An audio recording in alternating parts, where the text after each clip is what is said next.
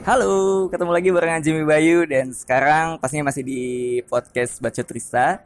Untuk edisi hari ini spesial karena gue ditemenin sama seseorang yang spesial juga. Siapa yang akan hadiah? Michael Jasin. Halo, apa kabar? Baik, baik apa kabar? Uh, gue manggilnya Miki ya Michael, aja. Miki aja. ya? Miki aja, Oke, oke. biar gampang.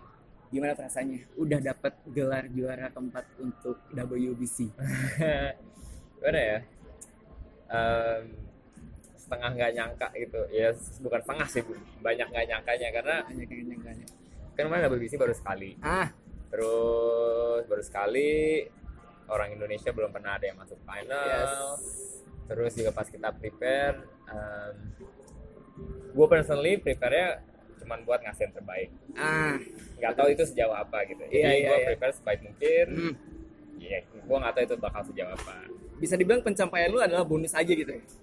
Kalau gue sih gitu. Ah, Kalau gue, kalau iya. kalau compete atau apa, gue selalu pokoknya gue mau ya, kasih yang terbaik. Hmm. Gue mau latihan. Pokoknya kalau misalnya hasilnya gue mau juara dua, juara tiga, juara empat, nggak masuk final. Tapi gue nggak mau, gue nyesel gitu. Jadi Ah, gue lebih suka gue train sekeras mungkin. oke. Kalau gue peringkat 30 ya udah. Berarti gue tahun itu mentoknya situ doang gitu. Iya, iya, iya, iya. tapi kalau gue bis tapi kalau misalnya gue peringkat 30 Hah? terus gue looking back oh gue hari kemarin dua hari nggak latihan gue pasti nyesel Ah. tapi kalau gue udah bener latihan semua tapi cuma peringkat 30 gue nggak ada nyesel lagi jadi gue kemarin latihan persiapan gue sebaik mungkin supaya gue nggak ada nyesel gitu Oke, dan bisa dibilang waktu pencapaian yang kemarin secara personal lu nggak ada perasaan nyesel sama sekali. nggak ada nyesel sih Ah. I mean honestly waktu waktu di di announce di final Ah. seneng banget kan itu udah kayak wah gila kita nggak iya, nggak iya. beneran nggak nyangka gitu Iya kan betul betul. Ya tapi waktu masuk final semua semua orang hari itu di final pasti pengen menang dong. Iya iya Ya, iya iya. Jadi waktu dipanggil juara 4 ya agak kecewa dikit.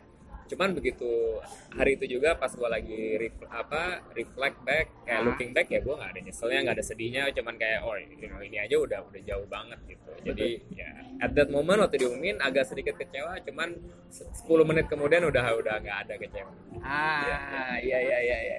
Nah sebenarnya ini juga yang penasaran sih, impact ketika lu akhirnya mendapatkan title itu. Hmm. Eh, peringkat 4 di level dunia. Impactnya sampai sekarang yang lu rasain perbedaannya sama yang kemarin sebelum dapat title itu gimana? apa ya kalau gue personally sih nggak nggak terlalu banyak buat gue personally ya Ah. cuman gue ngeliat kayak kemarin habis pulang gue jalan-jalan eh, tour buat ngasih WBC talk lah sama Victoria Arduino gitu kan Ah. ketemu anak-anak di sini Iya iya iya. impactnya gue ngerasa lebih ke komunitas kopi di Indonesia gitu kayak orang-orang jadi lebih bangga mereka tuh barista di Indonesia atau dia kopi profesional di Indonesia karena tadinya semua orang anggap kita agak setengah apa Iya, kayak sebelah mata ya. sebelah mata Iya, gitu iya, lah iya. karena Cuman sebagai negara penghasil mungkin. biasanya gitu jadi Iya. Indonesia selalu dikenal penghasil kopi yang gede Ah, tapi kualitasnya kalah dibanding Kolombia, Brazil, everything else gitu kan. iya nah iya. sekarang iya, iya. karena kemarin bisa masuk panel dan pakai kopi Indonesia juga Hmm. orang-orang mulai kayak dari yang yang dari dalam yang dari dalam negeri kayak tuh kan udah gue bilangin kopi Indonesia enak gitu. terus sekarang udah ada buktinya terus orang-orang dari luar juga mulai ngelihat kopi Indonesia kayak oh ternyata bisa kayak gini ya rasanya ya Iya iya iya iya. iya. karena yang mereka rasain di luar negeri itu sama yang apa yang kita dapetin di sini beda banget gitu yang yang, yang diekspor kualitasnya oke tapi oke doang sedangkan kita yang dapat di sini kan banyak petani-petani kecil yang mungkin belum mampu buat ekspor tapi kita udah dapat duluan kan jadi Iya, kita iya, tahu betul. enaknya kayak apa gitu Ah, iya iya iya iya.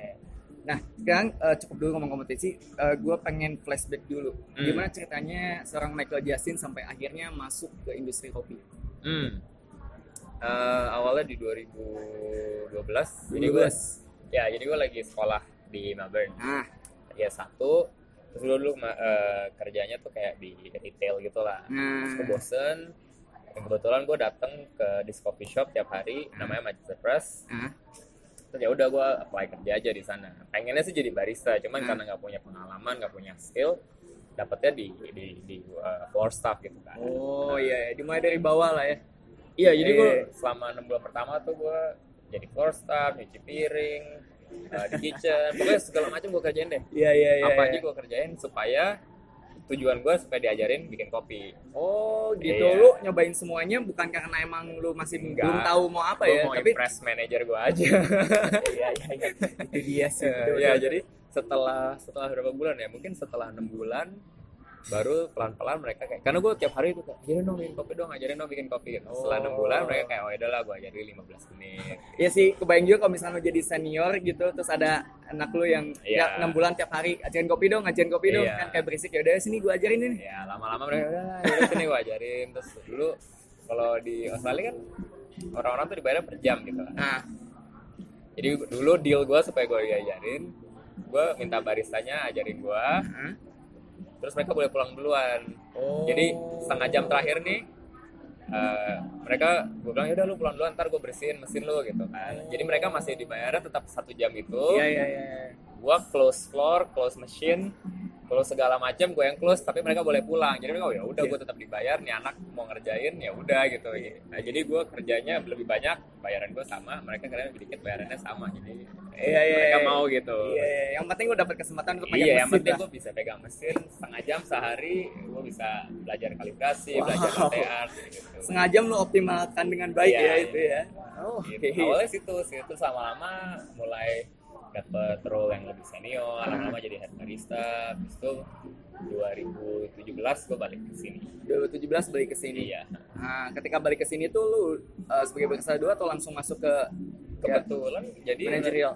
rencananya kan gue emang nggak mau balik tadinya emang eh, gue kelar sekolah di Melbourne Hah? terus gue kerja dua tahunan terus sekolah lagi S2 udah kelar pun gue masih eh, waktu itu gue head barista di Hah? salah satu cafe itu Em, tapi pas gue lagi liburan ke Jakarta sebenarnya terus ketemu sama anak-anak CG yang emang teman gue juga ngobrol-ngobrol terus lama-lama kita oh ya udahlah kita eh, kerja bareng aja terus mereka bikinin posisi gue yang sekarang ini yang tadinya nggak ada kayak gue bisa bisa balik Wah. jadi pas balik-balik gue langsung ngerjain yang gue kerjain sekarang ini lah Iya. Wah, Iya. ya ya ya ya ya begitu ceritanya. Eh, tapi yang gue pengen tahu kan maksudnya ada ada ada titik di mana lu memutuskan keputusan yang besar gitu. Yang Hmm. awalnya lu udah kerja di retail yang mungkin aman lah kantoran gitu.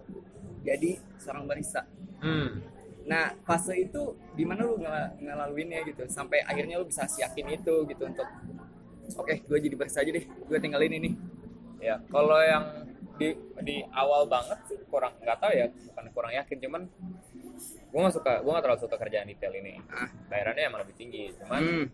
Ehm, tapi gue nggak suka banget lah gitu yang kayak eh, apaan sih ini kerja gue males kayak gue males pergi kerja gitu Ah, dan iya, dari iya. gue kecil bokap gue selalu bilang kalau lu udah males pergi kerja berarti lu di tempat yang salah Ah. jadi ya udahlah gue cari apa yang kira-kira gue tertarik waktu itu kebetulan tertariknya kopi Hmm. jadi eh, ya udah gue apply di situ sama kayak waktu eh, waktu pindah dari Australia ke Jakarta Hah? kalau itu gue bukannya males jadi selama perjalanan 2012 jadi barista Hah? sekitar 2015an itu gue udah tahu passion gue di kopi setelah kan jadi selama dari tiga tahun itu gue nyoba yang lain masih Ah. sama part time ini part time Iya, itu iya, di iya. restoran eh, di bar Masih Pokoknya nyari gua jati masih diri nyari lah ya. Pas 2015 apalagi 2007 2016 akhir tuh gue udah tahu gue pokoknya mau apa pun kerjaannya gue mau ada di industri kopi gitu.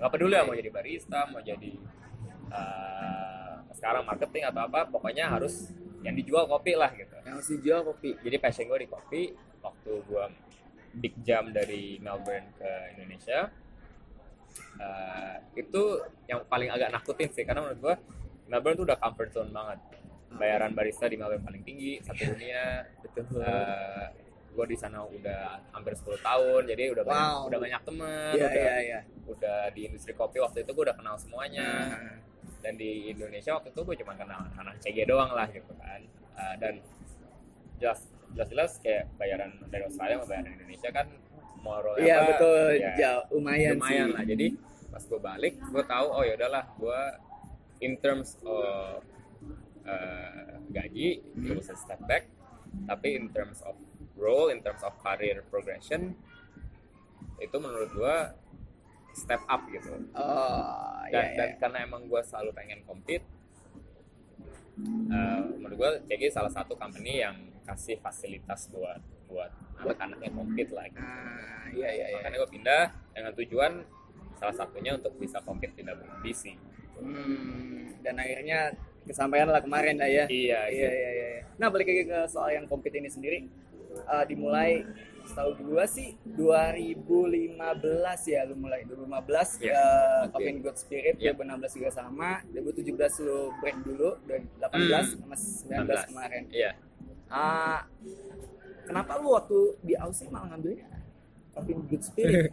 Jadi waktu itu tahun 2013 kan WBC di Melbourne ah cuman wak- karena gue waktu baru banget jadi barista gue cuman tahu itu setelah itu udah kelar ah. jadi apa sih nih barista competition terus gue liat ada Matt Burger ada Vicky Iya. Kata tahun itu ada Gide jadi kayak oh ini seru juga terus kayak gue Hmm. ngeliat ini kesempatan buat belajar lebih banyak tentang kopi Ah. terus jadi begitu dia bu- Australia buka competition buat tahun 2015 Hmm. Gue pengen barista kom Hmm.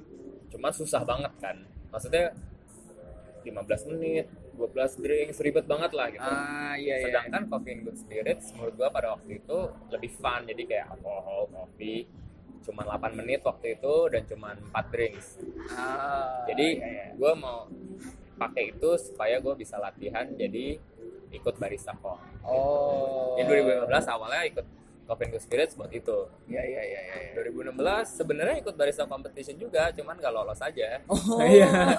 Jadi lolos regional dari regional ke pas pas masuk nasional nasional gue kayak 36 detik overtime lah terus Ah, nilainya jelek iya, atau iya. peringkat berapa waktu itu jadi yang yang kelihatan cuma yang Coffee and Good Spirits juga yang juara dua lagi Ah, Jadi di 2016 tuh lu ikutan dua. dua kompetisi Oh, ikutan dua kompetisi. Iya. Oke, baik. Iya, Iya, iya, iya. Nah, tapi kalau ngomongin soal kompetisi, gue pengen tahu kompetisi menurut lu dari perspektif lu itu apa? Oh, menurut gue buat kesempatan buat barista-barista belajar lebih berdalam tentang kopinya karena lu dipaksa untuk apalagi kalau barista competition ya atau brewers cup dipaksa untuk belajar lebih banyak tentang kopi yang lu serve Hmm. apa pun kopinya Hmm.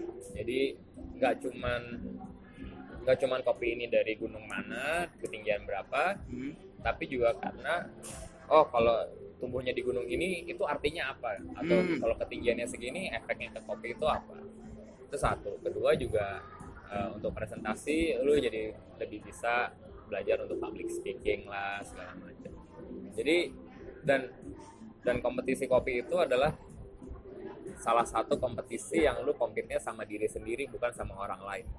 Karena ya emang kompetisinya berlima puluh gitu Iya, jadi iya. yang bikin lu juara biasanya ya diri lu sendiri bukan musuh lu bukan lau, mu- apa musuh dalam tanda, tanda kutip ya kalau Iya, iya. competitors itu karena mereka punya rutinnya sendiri lu punya rutin lu sendiri. Zaman sekarang orang punya akses ke kopi yang sama. Jadi ya itu sebenarnya pintar-pintar lu meng-package presentasinya aja gitu Nah, iya, iya, iya. Nah, ini yang menarik eh, kalau misalkan gini yang namanya kompetisi kan itu menurut gue sesuatu hal yang sulit ketika emang lu targetnya juara karena banyak banget yang harus lu siapin dan lain sebagainya Hmm. dan nggak sering juga mungkin ketika lo ada di tengah-tengah fase kompetisi kayak drop itu aduh gila gue nggak bisa nih kayaknya nih Iya. nah lu pernah ngalamin fase itu Nah, sering lah. Ya. sering dan biasanya ketika kayak gitu yang lo lakuin adalah Yang gue lakuin adalah latihan lagi. Jadi gimana ya? Oke ya juga sih Iya gimana? Mau nggak mau. Jadi maksudnya kayak gue kalau kompet gue punya goal gitu. Kayak gue goalnya eh, kayak kemarin gue mau lakukan yang terbaik di WBC. Hmm, Itu goal yang gue udah punya dari waktu di regional. Jadi pokoknya tiap kali latihan, tiap kali apa, gue gue selalu sampai WBC. Jadi Hmm. tiap kali gue nggak kopinya nggak enak atau kopinya lagi kalibrasi, gue nanyanya ini kalau gue serve di WBC pantas apa enggak? Hmm, Lagi bikin presentasi, ini pantas nggak di WBC? hmm, hmm. Dan kalau misalnya lagi di, di fase-fase pas latihan tiba-tiba kayak aduh gue males banget nih kopi gue hari ini nggak enak banget gue Hmm. mending pulang aja terus gue nanya sama diri sendiri kayak lu kalau pulang aja lu bakal Ah, presentasi lu bakal pantas nggak ntar di WBC gitu. Ah iya iya iya jadi iya. nah, ya kayak tadi gue bilang juga gue nggak mau ada nyesel gitu kan. Hmm. jadi gue selalu nanya kalau misalnya hari ini gue nggak latihan gue bakal nyesel ya. Dan dan susah sih karena itu banyak pengorbanan yang yang lu harus lakuin gitu. Kayak yang biasanya lu bisa main sama teman-teman nggak bisa yang biasanya kan gue nggak tinggal sama Karen gue lagi kan. Yang biasanya gue bisa pulang ke tempat bokap nyokap gue di BSD Hmm. yang sebenarnya nggak jauh-jauh banget. Iya. tapi dua jam perjalanan itu gue bisa pakai dua jam perjalanan itu untuk latihan presentasi Iya Jadi- sih. betul betul. jadi banyak banget pengorbanan yang lu harus lakuin selama lu kompetisi itu. Tapi selama lu tahu goal selama lu tahu tujuan lu apa pasti ya udah itu jadi masalah prioritas aja. Iya iya betul betul. prioritas gue apa hari ini? Gue harus latihan gue harus kerja. Sisanya kalau gue sempat ya baru gue main. Cuma biasanya sih nggak ada sempat Udah deh. Nah ini juga yang menarik. eh, lu lu kan kerja juga gitu. Iya. Terus lu harus latihan juga gitu. Terus mungkin lu ada kegiatan yang lain juga. Gimana cara ngebagi waktunya gitu? Um, ini yang, yang sering gue omongin di sosial media dan lain-lain Ah. Jadi waktu awalnya kapan ya? Mungkin kan regional tuh bulan Januari. Hmm. Gue siap-siap dari bulan Desember, Hmm. akhir November, Desember. Awalnya gue kayak kayak tahun-tahun sebelumnya gue cuma oh ya udah latihan tiap hari. Eh, biasa gue latihan cuma dua jam sehari, terus ya udah gitu. Eh, tapi kemarin pas ya buat yang tahun ini gue mulai ngeliat kayak Shinsaku gue tahu Shinsaku dia kerjanya jam 6 pagi dia bangunnya jam 4 dia biasa lari dulu lari latihan kerja lari kerja jam 3 habis itu dia latihan bikin 300 cup sehari Shinsaku latihannya 300 cup yang menurut dia bisa di serve di WBC jadi kalau Ya, dia ya. bikin satu agak jelek itu dia nggak hitung jadi Ah. pokoknya dia kelar kerja dia bikin 300 cups yang menurut dia pantas di serve ke judges di WBC terus juga atlet-atlet misalnya Olympics atau atlet JFC kayak mereka bangunnya pagi tidurnya malam terus kayak ada structure-nya gitu nah jadi waktu gue prepare eh gue nanya gue minimum tidur harus berapa lama? Berarti kalau buat gue ya 6 Hmm. jam. Ada orang yang bisa tidur 4 jam gue sih nggak bisa kalau di bawah kalau di bawah 6 jam gue udah mati. Jadi gue tidur 6 jam. Berarti gue punya 18 jam satu hari. Oke. 18 jam satu hari gue mau ngapain aja? Ah, kerja 9 jam. 9 jam. berarti gue tinggal punya 9 jam lagi. Yes. 9 jam lagi gue selalu olahraga. Jadi 9 jam dikurangin satu jam. Satu jam. buat olahraga itu Yes. itu menurut gue penting banget karena itu yang bikin gue nggak stres lah ya kayak gym sama lari gue senang lari pagi Hmm. itu yang bikin gue bisa refleksi Hmm. bisa bisa ngomong sama diri sendiri jadi satu jam udah pasti harus 8 jam terus eh, karena kerjaan gue harus gue muter-muter Hmm. biasanya gue di jalan itu dua jam Hmm. kayak jalan ini Ya ya ya ya. berarti gue tinggal punya 6 jam sehari yang biasanya kalau nggak ada kompetisi 6 jam itu gue pakai buat main-main pakai nonton Netflix dua Iya, jam iya, iya, iya. Nah, 6 jam ini akhirnya gue tau gue harus latihan sama 6 jam ini. Makanya gue bangun jam 4 pagi eh, nyampe roastery itu jam 5 Hmm. terus gue latihan 2 jam 5 sampai 7 Hmm. itu 7 gue pergi eh, ke gym habis itu pergi ke eh, kerja. Habis itu malam sama kayak gitu lagi. Kelar kerja jam 5 nyampe roastery jam 6 jam 6 sampai jam eh, 10 gue latihan. Oh, oke. jadi hari gue selama 4-5 bulan kayak gitu doang udah. 18 jam sehari gue harus ada ini. Nah makanya banyak pengorbanan juga. Begitu ada acara ya misalnya ada farewell teman gue kemarin anak kita ada satu yang yang desain mau pindah Hmm. negara. Nah, teman lumayan deket. Iya. ada farewellnya nih tapi farewell mulai jam 10 malam. Ya. gue nggak bisa datang gimana Wow, iya iya iya gitu iya, kan iya, kayak iya. "Ah, dia dia dia lumayan agak kesel gue nggak bisa datang tapi dia ngerti gue lagi mau kompetisi ya udah Iya, iya, iya. Karena prioritas kompetisi lu du- karena prioritas gue selalu paling iya maksudnya Iya. kayak ya gimana itu gue udah gue udah jadwalin Iya, iya, kalau lu iya. nggak masuk di jadwal gue hari itu ya sorry bisa, man gue iya, nggak iya. bisa gitu kadang-kadang ya gue jadwalin kayak hari ini gue mesti ketemu bokap nyokap gue hari sabtu Hmm. minggu gitu ya Hmm. masukin di jadwal tapi kalau nggak di jadwal itu gue beneran nggak bisa gitu bukannya gue nggak suka sama lu Iya iya iya Tapi iya. gua bisa, Iya ya. iya iya. Habis jujur Mik gue ngelihat eh, schedule lu yang tadi lu sebutin aja udah capek gitu apalagi yang Iya lu sih, ngejar iya, ada break nggak tapi satu hari yang emang lu nggak megang mesin sama sekali dan lu cuman kayak nikmatin me time ngelakuin hal yang nggak bisa enggak. Mitamnya baru kemarin setelah WBC ya. wow iya iya iya dan itu tujuh hari seminggu loh. Jadi Tujuh eh, hari seminggu, iya. Jadi hari Sabtu Minggu pun gua tetap gitu. Mungkin kalau hari Sabtu karena nggak harus kerja, ah ya adalah yang masih agak bisa. Gua agak bangunnya agak lebih siang dikit. Ah. Bisa jalan-jalan sama temen atau ketemu bokap nyokap gitu. wow Tapi gimana maksudnya kalau lu menurut karena barista competition buat gua lumayan penting kan. ya Jadi ya itu salah satu hal yang udah mau nggak mau mesti gue kerja. Iya, It's the same for everything lah kayak kalau orang yang bukan barista tapi misalnya dia mau ujian sekolah gitu.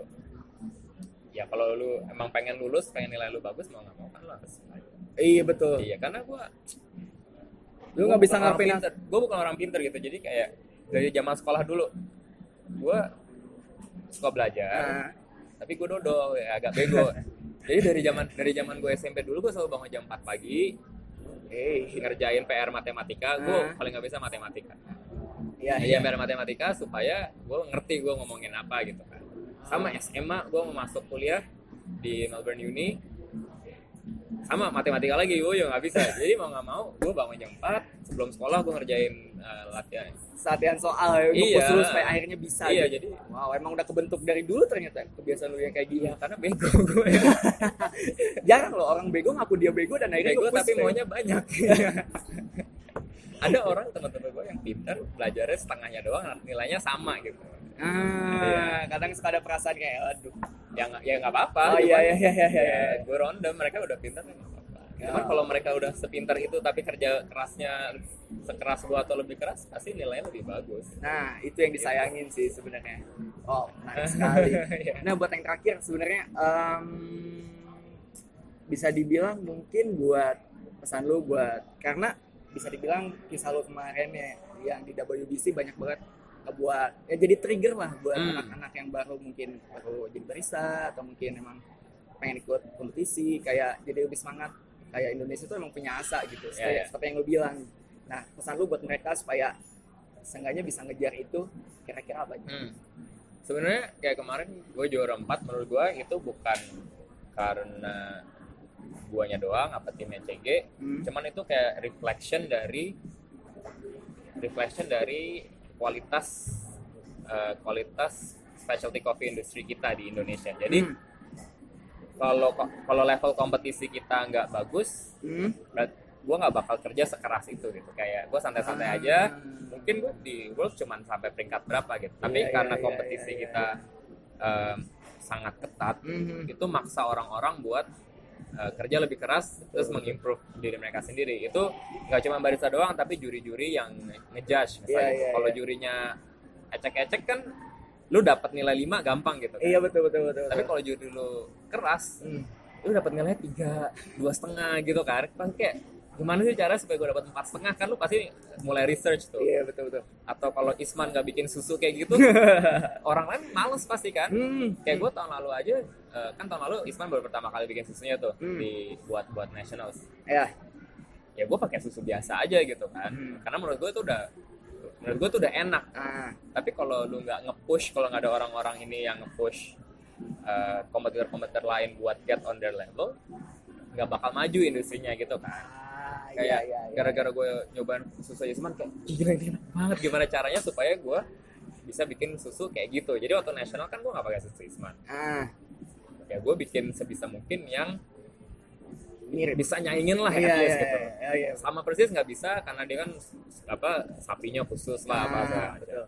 Uh, tapi gue mau nggak mau harus research tanya orang sana sini gimana sih caranya supaya susunya lebih enak Ah, iya. Nah ini harapan gua sih kalau udah eh, kita bisa masuk final di Worlds supaya barista-barista lain menginspirasi mereka supaya bisa selevel itu juga dan lebih gitu kayak kan gue selalu bilang tujuan gue kompet itu buat ngebuka jalan buat barista-barista lain farmers eh, petani-petani kopi Indonesia kita juri-juri kita di pentas dunia lah gitu jadi Iya. orang udah tahu ke depannya kalau lu mewakili Indonesia orang-orang udah kayak wah dari Indonesia nih pasti bagus sama kayak kompetitor dari Australia lah Iya, iya, iya. lu kalau udah ngewakilin Aussie udah beda sendiri pasti kan Betul, kayak orang-orang tuh udah kayak wow Udah respect duluan ya? Iya, gitu. Ah. atau oh ini orang dari Jepang gitu karena mereka udah pernah punya world champion Ah. mereka udah punya di kalau di final hampir selalu ada gitu Iya, iya, iya. tujuan gue gitu jadi mudah-mudahan dengan kemarin prestasi kayak gitu bisa menginspirasi semua orang Amin. nah cuman pesan yang lain adalah itu nggak gampang Jacknya Iya, iya, iya, betul sih itu, itu, itu. kalau lu mau jangan mau doang kalau lu mau lu harus usaha Iya, iya, iya. Kadang orang ngeliat cuma hasilnya doang, tapi Ya, nggak ngeliat prosesnya. atau bilang mau tapi begitu disuruh bangun pagi atau Ah. kalau gue tipe pagi Oh. tapi banyak orang kayak Yoshi dulu dia trennya malam sampai jam satu pagi Ah. gue nggak bisa tren sampai jam satu pagi gue itu bukan style gue karena gue udah ngantuk pasti Iya, iya, iya, iya. iya. atau kayak Yesi gitu Yesi juga gue tren pagi kalau dia trennya malam Oh, Ah. beda ya. ya tapi yang penting adalah usahanya kan Iya, betul, betul, betul. Nah, banyak orang sama kayak kita kalau interview barista kayak oh ya gitu, saya pengen compete ya lu mau nggak kerja kerasnya ini yang yang biasa orang suka lupa tuh gitu mereka mau menangnya nggak mau nggak mau kerja keras Betul, betul. Setuju, setuju. jadi ya kalau kalau gua harus rangkum pesannya lu bisa mimpi setinggi apa pun Nah. tapi mimpi lu harus dibarengin dengan kerja keras tuh Iya kan, gokil. Michael Jasin. Oke, abis ini kita bakal lanjut ke sesi berikutnya. Jadi jangan ke mana-mana, tetap di Baca Trista.